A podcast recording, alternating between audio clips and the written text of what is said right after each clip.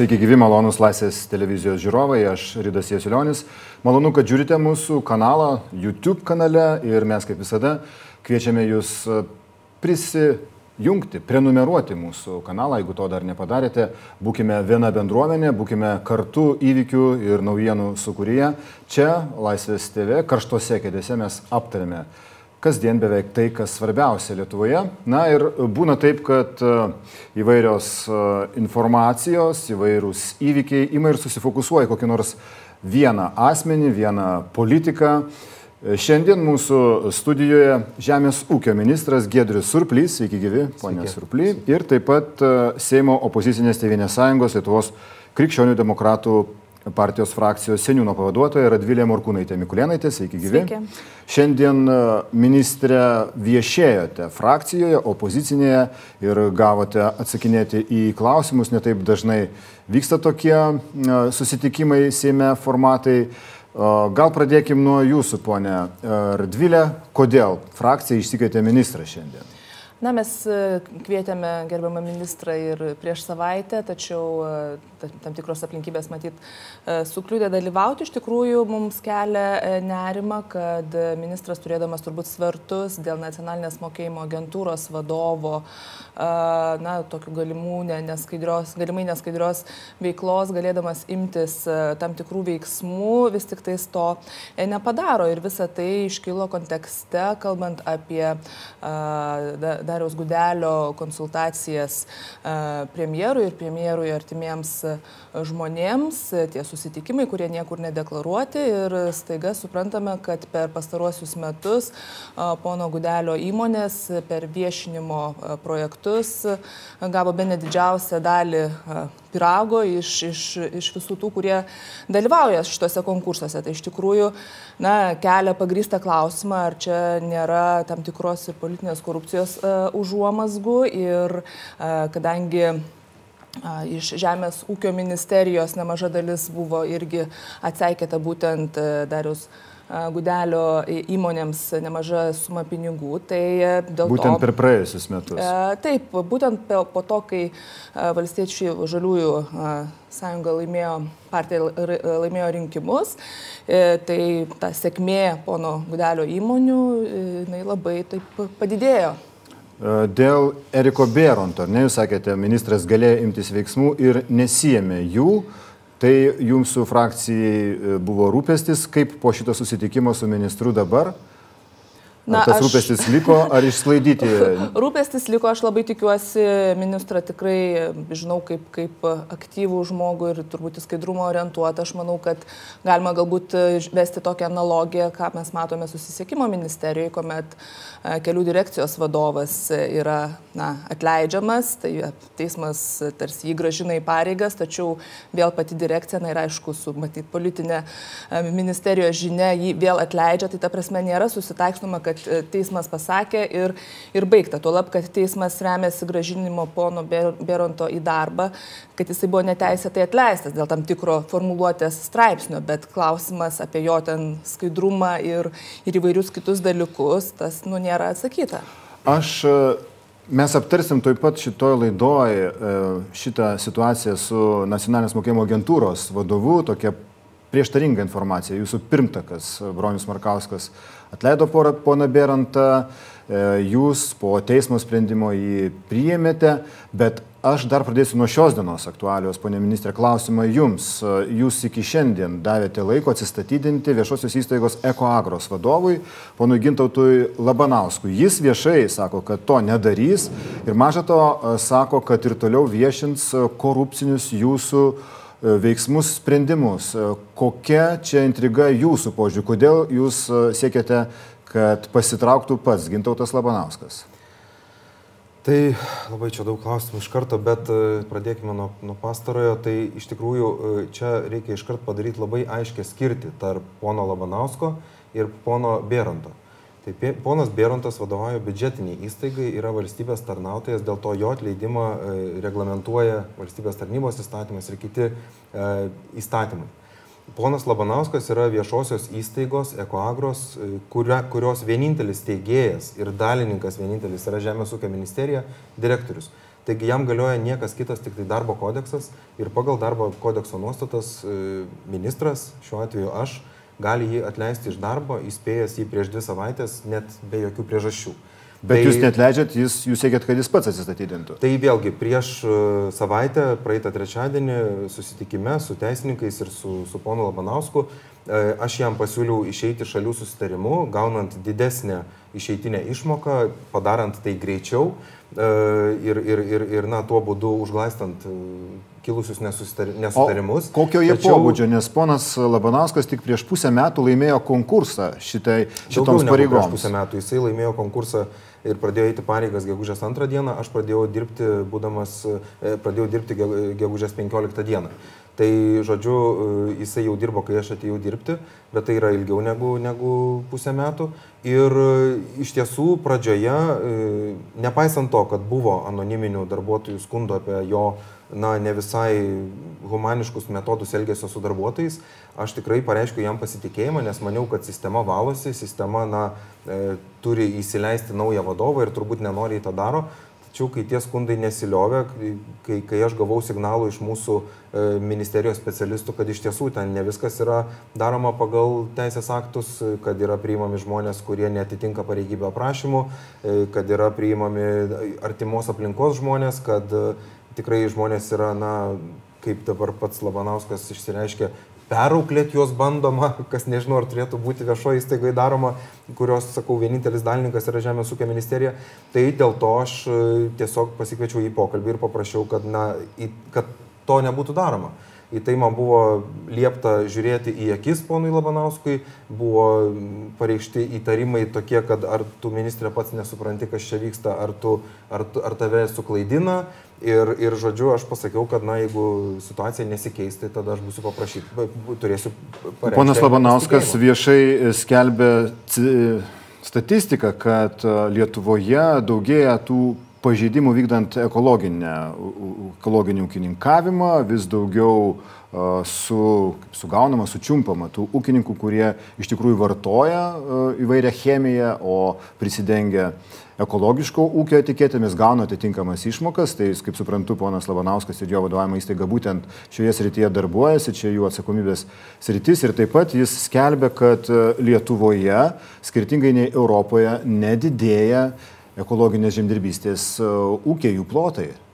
Dabar žiūrėkit, reikia vėlgi labai aiškiai atskirti ir tą aš galiu įrodyti elektroniniais laiškais, ta prasme įrašytais pokalbiais, kaip vyksta procesas.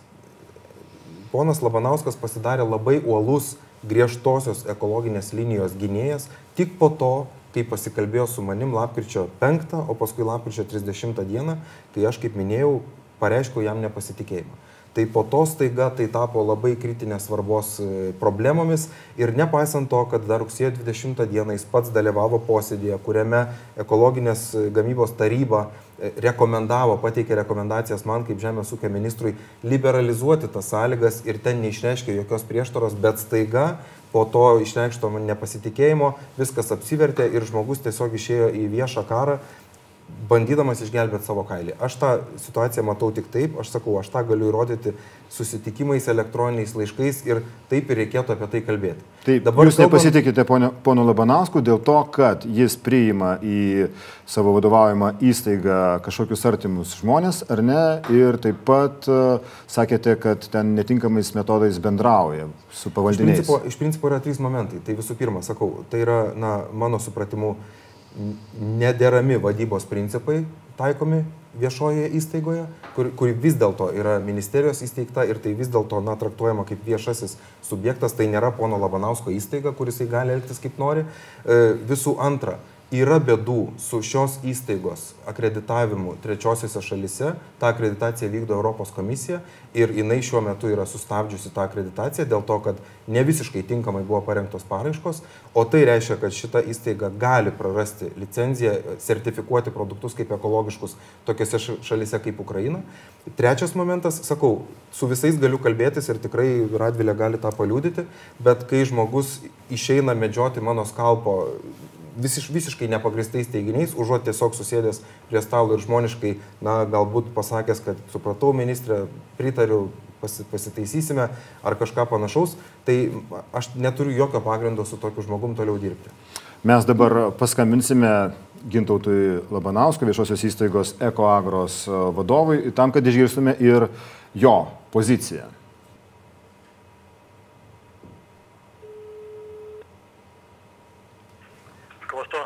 Sveiki, ponė Labanauskai. Sveiki. Laisvės televizija, Rydas Jasulionis. Mes dabar kalbiname Žemės ūkio ministrą, poną Surplį, dėl to, kodėl jis pareiškia jums nepasitikėjimą ir ragina jūs atsistatydinti.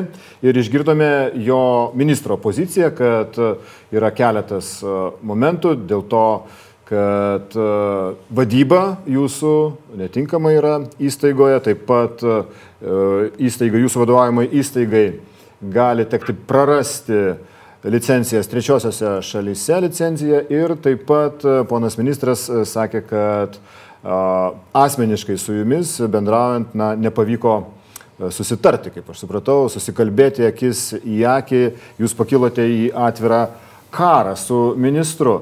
Kokia būtų jūsų pozicija? Kodėl jūs štai ministrui paraginus, na, neatsistatydinate savo norų? Aš iš tikrųjų nekariauju su ministru. Šiaip iš vis nekariauju su už tai, kad geriau prekiauti negu kariauti. Bet, bet ministras iš tikrųjų ragina mane tų dalykų, kur man sutikti sąžinė neleidžia. Tai liečia raginimus tokius jau prieš pusę metų pasitraukti, atsistatydinti, nemaišyti. Mes du mėnesius labai gražiai su ministru draugavom, jis pritarė mano vizijai, pritarė strategijai ir pritarė vadybai. Bet kažkaip tai sutapo ministro atšalimas mano atžvilgiu su pagautais ūkininkais, kurie neleisnai naudoja chemiją ekologiniuose ūkiuose, ekologiniuose procesuose. Ir aš darau tokią prielaidą, kad ne viskas tvarkoja su mūsų ministru. Tai Ministrė, gal taip, mes dabar iškart paprašysim ministro atsakyti. Štai tokia pozicija, tokia, tokia įvykių seka. Nesažiningi, apsimetantis ekologiškai ūkininkaujantis ūkininkai. Aš vėlgi leisiu savo e, dėlioti taškus ant į, kaip man atrodo, mes turime e, atvejį su žmogumi, kuris sukurs bet kokią istoriją, sufabrikuos bet kokius faktus, sumeluos bet ką, ką reikia, tik tam, kad išgelbėtų savo poziciją, savo postą. Tai tiesiog norėčiau sudėlioti taškus ant į. Aš sakau, aš turiu elektroninius laiškus, aš turiu mūsų pokalbių liudininkus, kur tiesiog tai, ką kalba ponas Labanauskas, netitinka tiesos. Dabar tam, kad na, nebūtų kad nebūtų kalbama melo, kad nebūtų šnekama tai, kas yra visiškas nesąmonės, aš noriu pasakyti štai ką. Aš kiekvieną penktadienį važinėju po Lietuvos savivaldybės. Per vieną penktadienį apvažiuoju dvi. Aš turiu liudininkus, nes ten susirenka po 50-60 ūkininkų, kad beveik visose tose savivaldybėse iškeliamas klausimas dėl to, ar Lietuvoje taikoma griežčiausia Europos Sąjungoje, e, griežčiausias Europos Sąjungoje, griežčiausia kontrolė, e, kaip e, mūsų e, ūkininkų produkcijoje arba laukuose atsiranda chemija, e, turėtų būti liberalesnė. Sakau, kiekvienoje savivaldybėje... Jie jūs spaudžia keisti tvarką, taip? Kiekvienoje savivaldybėje šitas signalas yra. Aš turiu elektroninius laiškus, kur tie žmonės, tie ūkininkai rašo man situaciją pasakodami apie tai, kad štai tris metus aš ūkininkavau e, ekologiškai, pas mane nieko nerasdavo, o dabar ketvirtus metus atsirado 0,00 kažkiek tos cheminės medžiagos ir pagal dabar galiojančias taisyklės tai reiškia, kad visas to žmogaus ekologinis ūkis yra braukiamas iš žemėlapio už visus penkis metus, kiek tas žmogus gavo ES paramos, o taip jinai yra dalyjama, e, būtent ekologiniam sektoriui, jam yra nubraukiami visi pinigai ir mano galva tai nėra teisinga. Tie tai, pažeidimai per maži, kad reikėtų nubraukti visus e, pinigus absoliučiai. už ekologinį ūkininkavimą. Aš dar kartą kartuoju, ES yra 24 valstybės, kurios taiko daug liberalesnės normas. Mes esame viena iš keturių griežčiausių. Tai štai yra politinis sprendimas atliepiantis ūkininkų išsakytą visoje Lietuvoje poziciją. Dabar kaip tai koreliuoja su tuo, kad aš nepasitikiu ponu, ponu Labanausku? Niekai. aš nepatyriau ne vieno spaudimo atleisti jį, aš nepatyriau ne vieno ūkininko jokio signalo, kad reikia atleisti poną Labanauską tai visiškai nekoreliuoja. Tačiau tai, kad jisai dabar bando apversti visą situaciją, prisistatydamas didžiausių, e, didžiausių Lietuvos ekologų, tai yra, sakau, tai yra patetiškas. Bet aš suprantu, kad jeigu poziciją. sako, dabar prasidėjo tie griežtesni patikrinimai, tai tai susijęs su ponu Labanausku, jo vadovaujimu tie, įstaigai. Tie patikrinimai niekaip nepasikeitė. Vienintelis dalykas, kas pasikeitė, tai yra, kad reaguodamas į, sakau, visoje Lietuvoje išsakomus ūkininkų prašymus, aš gruodžio 27 dieną pasirašiau taisyklės, kurios šiek tiek liberalizuoja kontrolę. Tai reiškia, jeigu ūkininko laukia randamas tas kažkoks, e, kažkokia dalelė tos chemijos, jisai įgauna teisę paprašyti papildomos patikros ir jeigu ta papildoma patikra parodo, kad taip, šitoj daly lauko yra chemijos, bet kitoj daly lauko nėra chemijos, tas ūkininkas įgauna teisę išlaikyti savo tą lauką, kuriame nebuvo chemijos, kaip ekologinį. Štai ir viskas.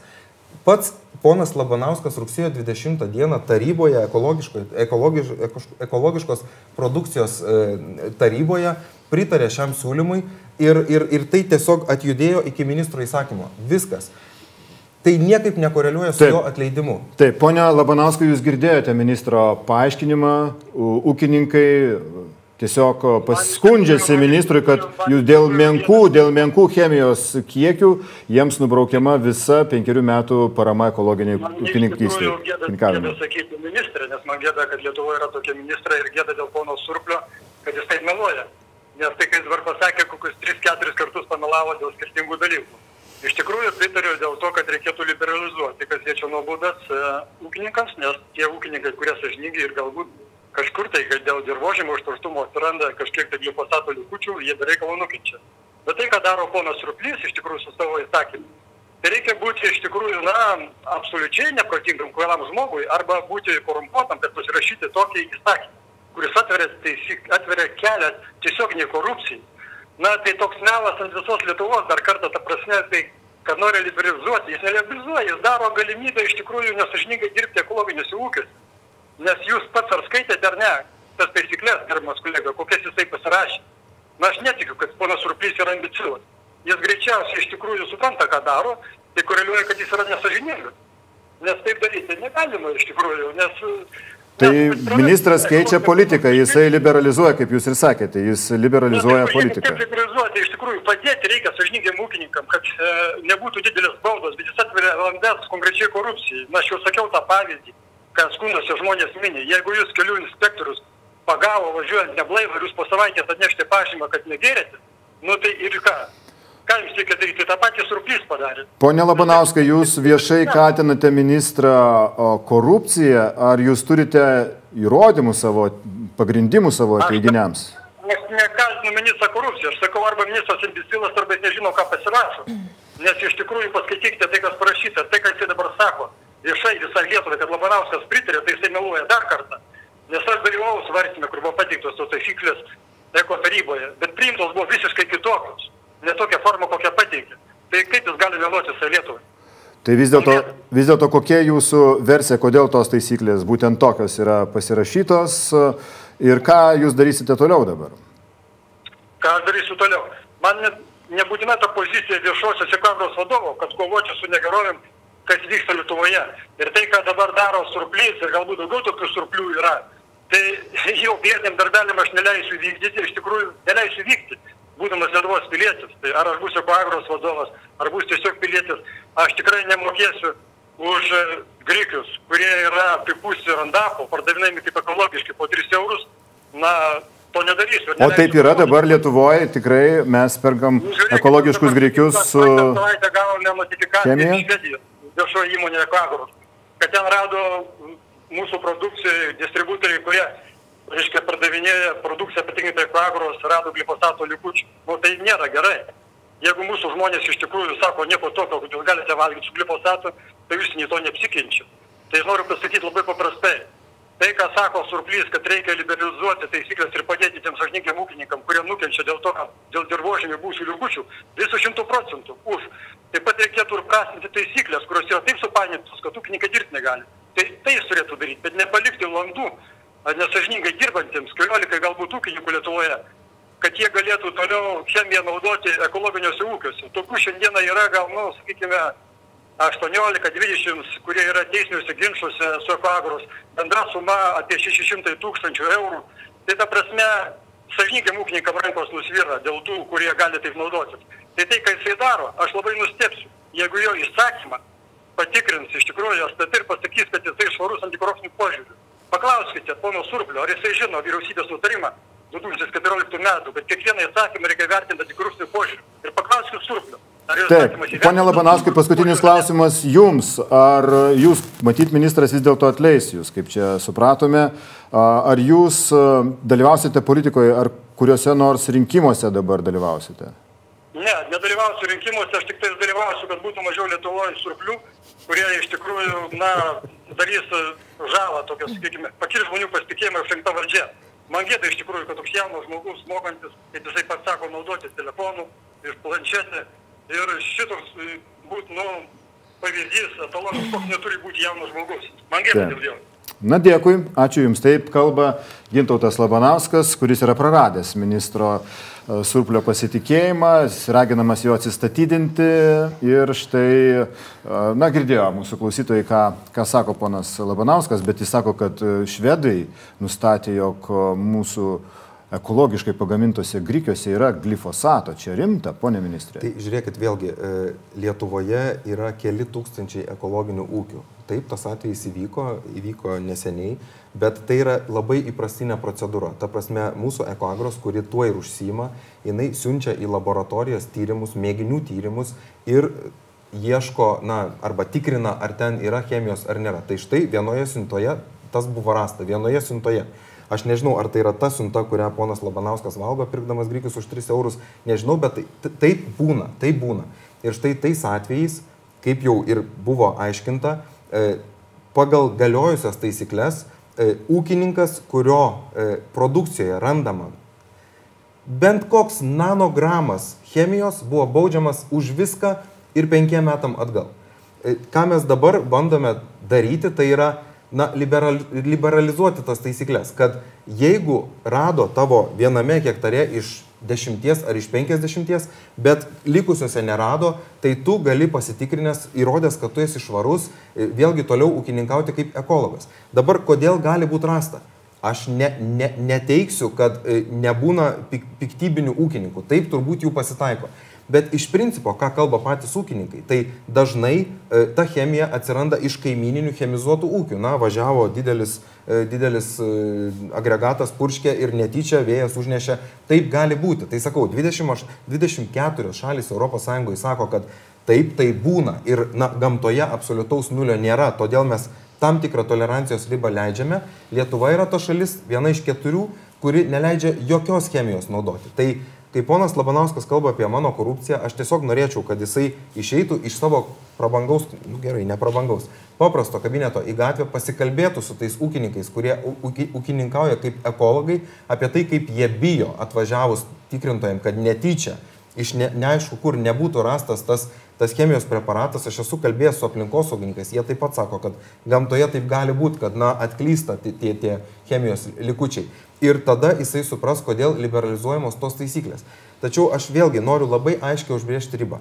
Mes galime diskutuoti, galbūt jam atrodo, kad aš priimu blogą sprendimą. Mes galime diskutuoti, aš tikrai esu diskusijos žmogus, galime susikviesti ekologus, mokslininkus, kalbėtis. Tačiau tai yra atsieta nuo šio asmens pareigų, kadangi šis asmuo, mano galva, na, elgesi nedžentelį. Atleisite jį besalgiškai, bet aš tiesiog noriu uždėti, uždėti dar kartą taškus ant jį, kad viena yra apsimesti ekologu, kai tave atleidžia iš darbo ir tu apie tai sužinai. Viena yra lakstyti per mano aplinką ir bandyti visiems įrodyti, kad aš gaunu kyšius iš neaišku kur. Ir, ir, ir, ir, ir pradėti informacinės kampanijas, informacinius karus, pasirašant anonimų ir dedant antraštės į abejotinos reputacijos internetinės žiniasklaidos kanalus su tuo, kad ministras yra korumpuotas ir kita yra nuoširdžiai bandyti gerai padaryti savo darbą. Tai to nuoširdumo aš šio asmens atveju matau lygiai nulį, o visa kita, kaip jau sakiau, yra tik tai patetiškas bandymas išlaikyti savo postą. Štai, ponia Morkūnaitė Mikulėninė, štai situacija tokia, kad lietuviškose ekologiškai užaugintose grikiuose kaip girdėjome, Švedijoje randama tos chemijos, kurios negali būti ekologiniuose produktuose. Ministras sako, dabar situacija tokia, kad reikia liberalizuoti tą tvarką kaip yra sertifikuojami, prižiūrimi, kontroliuojami ekologiniai ūkiai. Jūs pritarėte ministrui? Na, aš manau, kad e, pirmiausia, tai turbūt įdomu, apie kokius e, kiekius mes kalbame. Tų gandų e, jau ir ankstesniais laikais yra buvę, kad ekologiniai ūkiai nebūtinai ten viskas ekologiškai vyksta. Tai galbūt yra pavieniai, labai tikiuosi atvejai, kur galbūt yra kažkokio piknaudžiavimo, bet tai yra na, kontrolės, kontrolės klausimas. Bet aš lygiai taip pat pritariu, kad na, gamtoje turbūt nėra tos taip, kad nulinė, nulinė tarša. Mano žiniomis toje pačioje Vokietijoje yra tos tolerancijos, vadinamos tolerancijos ribos. Ir, na, taip gali pasitaikyti.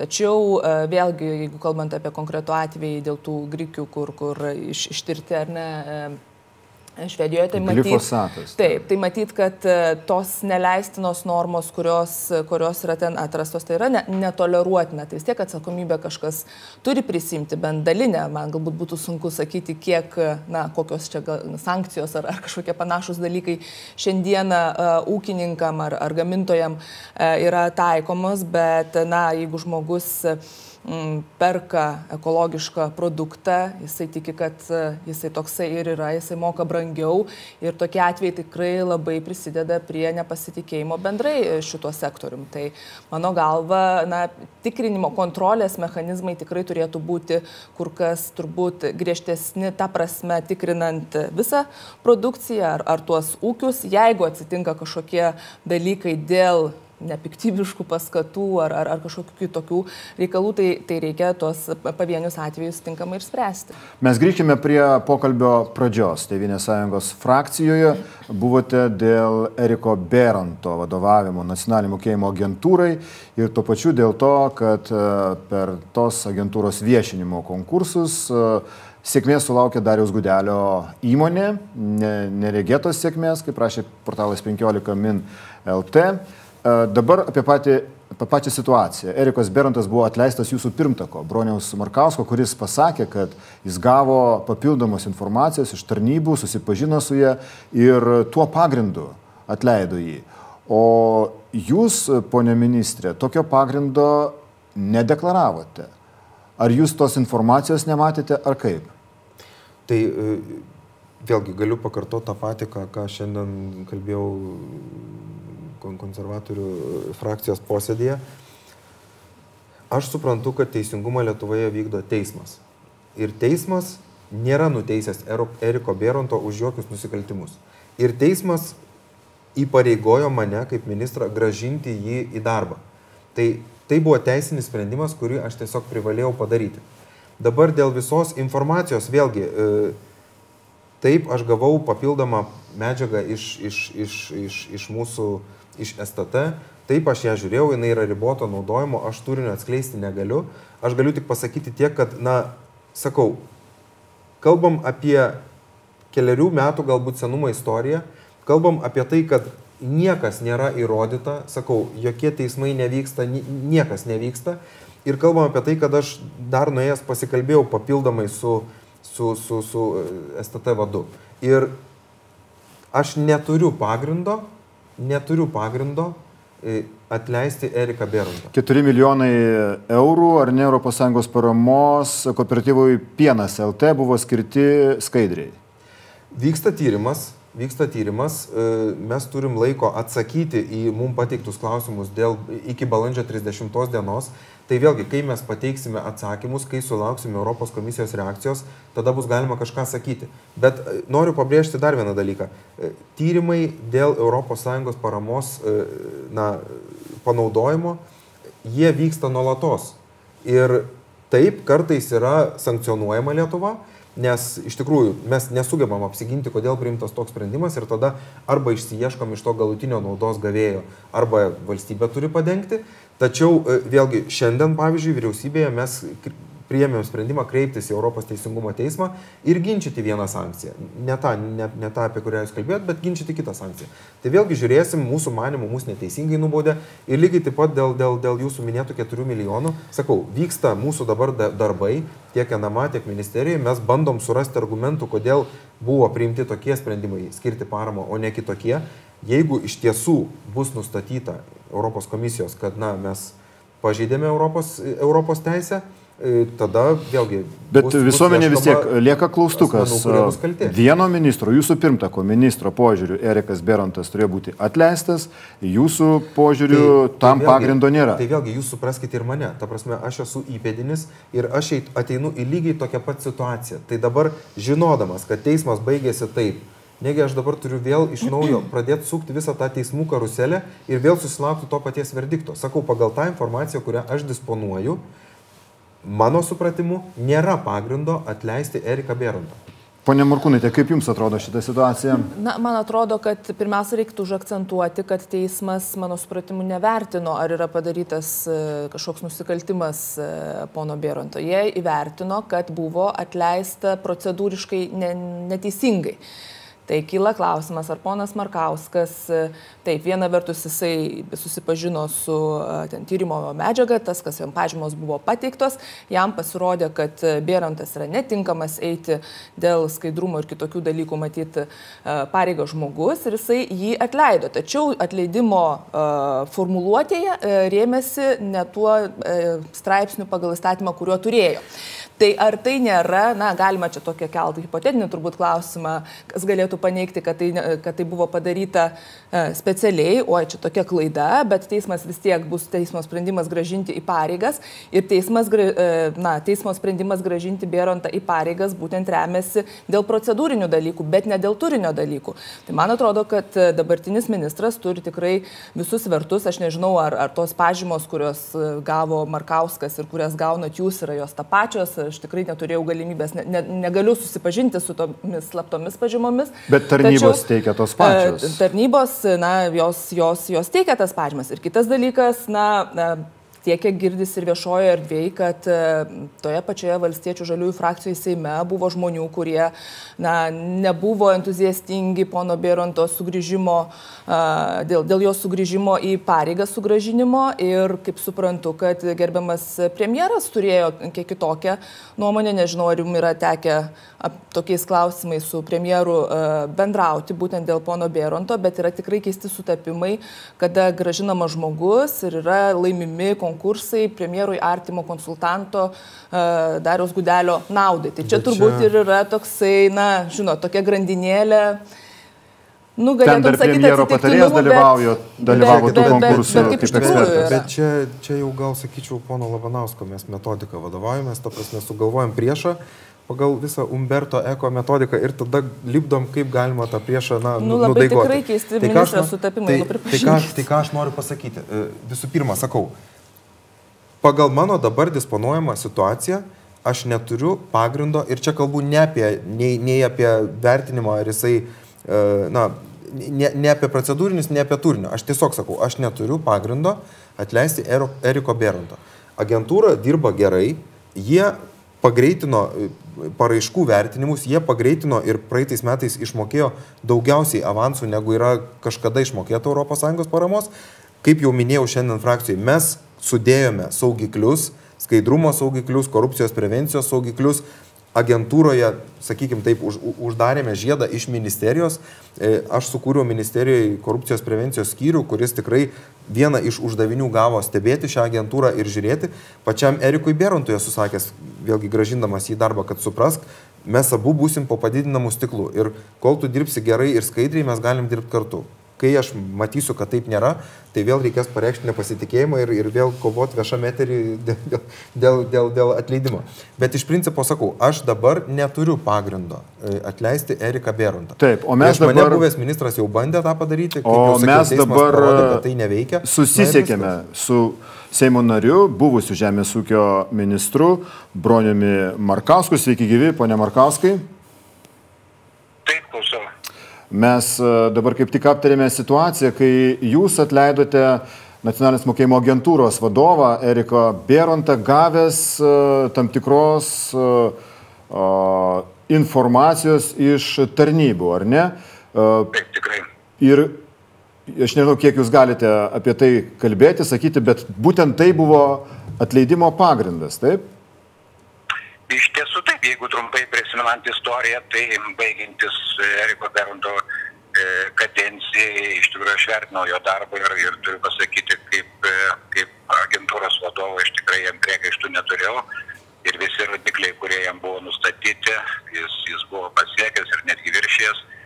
Ir, ir reikia priminti, kad ir socialinių partnerių, tai yra ūkininkų sąjungos bendrovės asociacijų buvo E, palaikymai direktoriaus, tai aš e, Erika Berontą paskiriau antrai kadencijai, tiesa prieš, prieš tai paprašė specialiųjų tarnybų e, e, iš, išvados. Tai ir, ir, ir turiu pasakyti, kad e, tos išvadose nebuvo nieko tokio, dėl ko aš negalėčiau Eriko Beronto paskirti antrai kadencijai. Bet jeigu prisimenat, po to aišku buvo pakankamai didelis spaudimas ir iš atskirų Seimo narių, ir iš prezidentūros tai aš dar kartą paprašiau tarnybų pažymos ir, ir tos pažymos pagrindu aš atleidau Eriką Berantą iš užimamų pareigų. Tai toj pažymoje buvo kažkas tokio, e, kažkokia veika nurodyta, ar ne, pono Beranto, e, kuri jums suteikė pagrindų jį atleisti? Tai aišku, aš kaip ir sakė, tikrai ne, ne, ne, ne, negaliu komentuoti tos pažymos Tai, bet, bet tai buvo pagrindas, dėl ko aš atleidau. Teismas gražino į, į darbą poną Berontą, kaip suprantu, ne dėl to, dėl ko jūs jį atleidote, e, nepaneigė tos e, priežasties, to pagrindo, o dėl e, formalių atleidimo aplinkybių, kad jūs procedūrų neįvykdėte iki galo. Teisingai? Be abejo, šiuo atveju aš kaip ministras, tai jūs patys puikiai suprantat, kad ne, ne, ne aš rengiu tą, tą pažymą ir, ir įsakymą, e, rengia teisės departamentas ir aišku, jeigu kažkas tai buvo nesižiūrėta, tai aš galiu, galiu tik tais kaltinti buvusius savo darbuotojus. Tai... E, kaip jums sekėsi, ar dabar ministras Surplys e, turėtų irgi matyti tą informaciją, kurią jūs matėte ir jos pagrindų spręsti, ar gali toliau vadovauti nacionalinio mokėjimo agentūrai ponas Berantas?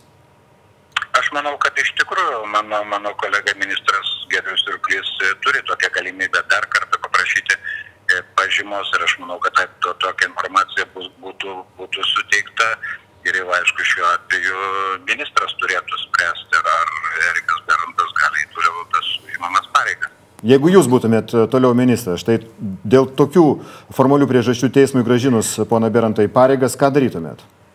E, aš, aš manau ir tikiuosi, nors aišku, aš pats tikrai nedalyvau teismo procese, e, bet ko gero teismui buvo temos, buvo teikiama taip pat informacija ir, ir, ir, ir turbūt pirmos instancijos teismas, aš kiek prisimenu, ne, ne, nepanaikino šitą, nu, ta prasme, prieėmė sprendimą, kad buvo teisėtai atleistas, kad ant antros instancijos teismas. Tai, tai ir aišku, man dabar, dabar turbūt būtų ne, nekorektiškai kalbėti apie tai, ką aš dabar vietoj ministro daryčiau. Bet suprantat, ponė Markauskai, kaip visuomenė vertint situaciją, jūsų požiūriu, ponas Berantas negalėjo eiti pareigų dėl to, ką jūs išskaitėte specialių tarnybų pažymoje, o ponas Berantas eina dabar tas pareigas tai visuomenė be abejo kadangi visuomenė ne, nežino tos, tos pažymos turinio, tai turbūt e, ir būtų sudėtinga vertinti. Tai e, aš, aš manau, kad e, bet, bet kokiu atveju ne, ne, ne, netrukus turėtų išaiškėti ir, ir, ir, ir manau, kad e, ministras Gedrius Ruplys vienokį ar kitokį sprendimą priims. Dabar aš jau, sakyti, tikrai nebūdamas ministru, ne, negaliu kažkaip tai ar labai savo nuomonės reikšti, ar, ar, ar, ar, ar sakykime, kas būtų, jeigu būtų. Dėkui, ačiū Jums už paaiškinimus. Tai buvo Seimo narys, buvęs Žemės ūkio ministras, Jūsų pirmtakas Bronius Markauskas. Štai ponia Radvilė Morkūnaitė Mikulėnė sako, kad yra precedentas, kaip Rokas Masiulis vis iš naujo atleidžia savo, savo pavaldinį, nepaisant teismo sprendimo gražinti į darbą. ponė ministrė, ką jūs jau apsisprendėt, ką darysit? Tai žiūrėkit, aš vėlgi norėčiau sureaguoti, kad nieko neįvyko, ta prasme, niekas nepasikeitė. Nuo to momento, kai Erikas Berantas grįžo į darbą, jokios faktinės aplinkybės nepasikeitė. Tai, kad aš nuėjau į frakcijos posėdį, na ir kas, ta prasme, niekas nėra pasikeitę. Jeigu aš gausiu kažkokį signalą iš tarnybų, jeigu aš gausiu kažkokių nusiskundimų, jeigu aš gausiu kažkokių signalų iš Briuselio ar, ar, ar dar iš kažkur, tada aš galėsiu vertinti. Dabar de facto situacija, jinai yra nepasikeitusi. Erikas Berantas grįžo į pareigas, aš sakau, aš nematau pagrindo jį atleisti. Kaip žinote, vėlgi mes galėjom paprašyti teismo atnaujinti procesą, mes to nepadarėm, nes vėlgi, sakau, konsultavomės su, vis, su, vis, su visais, su kuo galėjome ir mums buvo pasakyta, kad nėra teisinio šanso laimėti šitą, šitą atnaujintą teisminį procesą. Taip kad, sakau, niekas nepasikeitė, jisai dirba. Dabar dėl, dėl, dėl, dėl VIP Communications, dėl Dariaus Gudelio įmonių, tai vėlgi du kartus jau frakcija kvietėsi į posėdį, e, viešųjų pirkimų tarnyba ir jos direktorė šiandien irgi dalyvavo.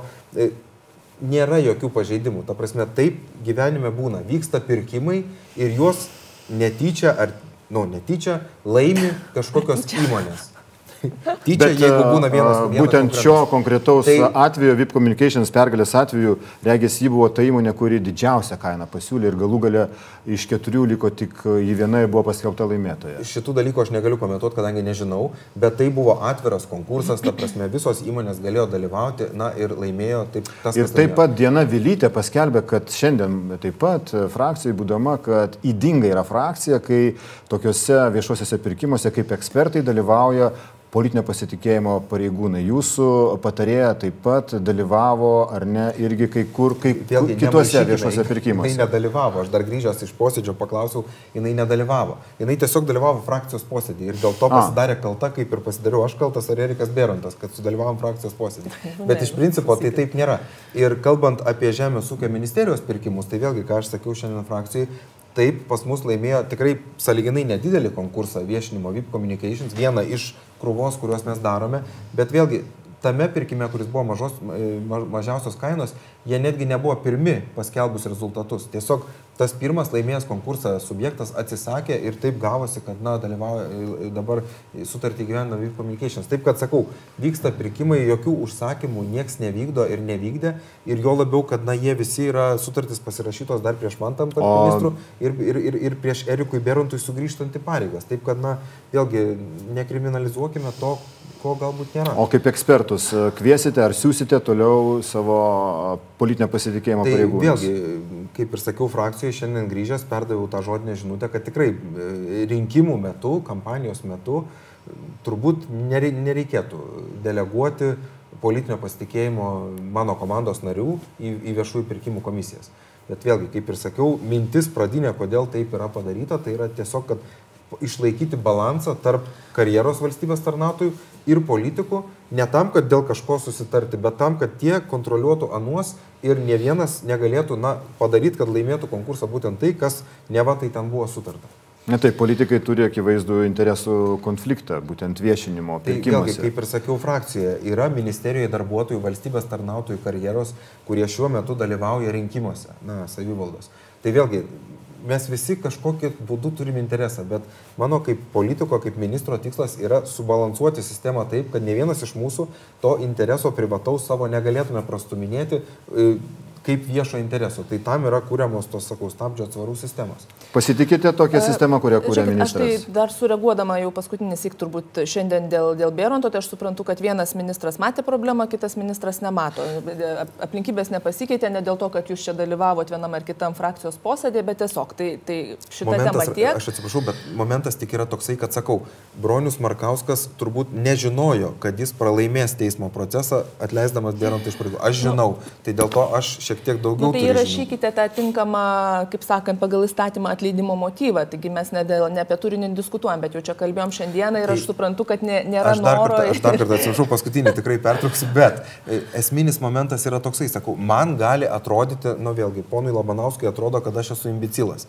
Tai ar tai yra pagrindas atleisti žmogų, kad man kažkas atrodo? Kitam yra tarnybos, tam yra tarnybos surašė raštą, kurį perskaitė Bronius Markauskas, būdamas ministras ir atleido. Aš, sakau, aš nežinau, aš, aš nežinau, nežinau, ar aš skaičiau tą patį raštą, bet aš gavau riboto naudojimo raštą. Aš jį perskaitęs, žinodamas, kaip pasisakė teismas, susidariau savo nuomonę, kad aš negaliu atleisti Eriko, Eriko Beronto. Aš dar kartą tą noriu pakartoti. Nu, tai, taip, tai ministras negali atleisti Eriko Beronto, o dabar dėl, dėl tų konkursų ir, ir viešinimo. Na, vis tik tais jūsų patarėja, kada jinai dalyvavo frakcijos posėdėje, tai jinai ne tik, kad posėdį dalyvavo, bet jinai pasakė, kad jinai kaip ekspertė dalyvauja viešųjų pirkimų komisijose. Tai ne, ne, ne šiuo gal konkrečiu atveju, apie ką mes čia kalbam, nacionalinės mokėjimo agentūros atskirštomose piniguose, galbūt kažkokiuose kituose. Ir jinai sakė, kad tai yra e, normali praktika ir labai normalu, kadangi žmonės galbūt turi ten kažkokios iš ankstesnio savo gyvenimo e, ekspertinio patyrimo ir užtat e, gali, gali ten dalyvauti. Bet man atrodo, kad politinio pasitikėjimo asmenys yra ypatingai jautrus dalykas. Ir čia yra naujovė atsiradusi šitos vyriausybės e, metu. E, Premjeras Kvarnelis, matyt, su jo žinia e, yra deleguojami į viešųjų pirkimų komisijas politinio pasitikėjimo žmonės. Šiuo atveju Tomas Beržinskas, kuris, kuris dalyvauja e, komisijos sudėtyje. Na ir, na, žinot, kažkaip keistai tikrai atrodo, kada ypatingai, vat, kalbant apie Dariaus Gudelio neregėtą Taip. sėkmę, kurią šiandieną beje užtvirtino e, ponia Vilytė sakydama, kad yra e, pažeidimų taip, galbūt ten tų tokių pagal įstatymo raidę žiūrint nėra, bet tikrai susidaro labai keistas vaizdas, kad per pastaruosius du metus apsilankęs ten Olika kartų pas ministrą pirmininką pasikalbėti apie krepšinį ir apie kažką, staiga šito e, žmogus, šito konsultanto, gabaus konsultanto, Dariaus Gudelio įmonės, jos laimi virš 2 milijonų e, tuos konkursus. Tai neregėta sėkmė, anksčiau to nebuvo, dabar staiga kažkas pasikeitė ir dalyvaujant konkurso e, komisijose politinio pasitikėjimo žmonėms. Tai aš nežinau, ar, ar jūsų ten, tarkim, min- ministerijos tie žmonės, e, valstybės tarnautojai, kurie ir, irgi yra deleguoti, ar jie yra tokie ten, nežinau, korumpuoti, kad juos dar turi prižiūrėti politinio e, pasitikėjimo žmogus, kuris neša irgi tam tikrą krūvį ir supranta, kad galbūt tai gali būti, nežinau, na, kažkokio ministro ponia ministrė, preferencija. jūs pasakėte žodį rinkimų metu, vadinasi, pasibaigus e, rinkimams ir vėl deleguosite, siūsite savo politinio pasitikėjimo pareigūnus, pavyzdžiui, į tą pačią nacionalinį mokėjimo agentūrą, e, kur vykdomi dideli viešieji mes, mes, pirkimai. mes čia šiek tiek painiojam procedūras, nes procedūra yra tokia, kad e, vykdant pirkimus, konkrečiai viešinimo, iš senų laikų, iš, iš, iš dar kai vyriausybės kanceliarijoje dirbo kita kanclerė, yra toksai, na, tokia taisyklė, kad reikėtų pasikreipti į vyriausybės kanceliariją, kad būtų deleguotas ekspertas ir tas ekspertas būna deleguojamas. Tai šiuo atveju, pavyzdžiui, Žemės ūkio ministerijos mes e, gal mažiau esam nusipelnę ar ką, bet mes negavome politinio pasitikėjimo. Mums atsiuntė vyriausybės kanceliarijos darbuotoja, kuris dirba su viešaisiais ryšiais ir, na, kaip aš suprantu, tai yra daroma tik tai tam, kad valstybė ar vyriausybė konkrečiau turėtų kažkokią viešinimo strategiją. Ta prasme, kad A sutaptų su B, o C sutaptų su D. Tai mano supratimas yra toksai. Tai nėra kalba apie politinio pasitikėjimo, tai yra tie- tiesiog, sakau, kalba apie koordinavimą. Nes vyriausybės kanceliarija, jinai daug ką koordinuoja ministerijose. Tai vad, tik tai tiek. Dabar tai apie, apie, apie tai, ar aš deleguosiu kažką. Taip, į- pasibaigus į mūsų- rinkimams, į jūs mūsų sakot, pirkimus. rinkimų metu nereikia. Vėlgi, ką sakiau šiandien frakcijoje, mūsų pirkimų tvarka yra tokia, kad kiekvienam mažos vertės pirkimui mes sudarinėjame atskirą komisiją. Taigi tų komisijų per mėnesį pasikeičia keletas. Ir taip aš esu prašęs, kad kiekvienoje komisijoje būtų politinio pasitikėjimo žmogus, bet kaip jau minėjau frakcijoje, dar kartą pasikartosiu, tik tai tam, kad mes galėtume sukurti tą balanso sistemą. Na, kad valstybės tarnautojai žinotų, kad čia yra politinio pasitikėjimo žmogus, o politinio pasitikėjimo žinotų, kad čia yra karjeros valstybės tarnautojai. Ir tuo būdu neiškiltų pagundos kažkam proteguoti savo ten tų privačių interesų, apie, apie ką jūs kalbėt. Bet jeigu jūs nesupyksit, aš tikrai turiu važiuoti pasidaryti renginą, kad būtų aišku, aš skaitau. Ačiū labai. Tai gal jau... Ačiū labai ministrė už tai, kad atėjote pas mus e, šio pokalbio. Mes e, klausinėjome tai, kas yra svarbu, kaip skirstomi mokesčių mokėtojų pinigai. ES paramos pinigai yra labai svarbu. Mes turime pasitikėti tai savo išrinktais arba jų paskirtais e, politikais arba jų paskirtais asmenimis, e, kurie priima čia svarbiausius sprendimus. Dar kartą dėkui Jums, kad atvykote į mūsų studiją. Tai buvo Žemės ūkio ministras Gedrius Ruplys. Taip pat dėkoju Tevinės sąjungos Lietuvos krikščionių demokratų frakcijos Seime seniūnų pavaduotojai Radvilai Morkūnaitė, Mikulėnaitė ir Jums malonus e, Laisvės televizijos žiūrovai už dėmesį. Likite ir toliau su Laisvės televizija.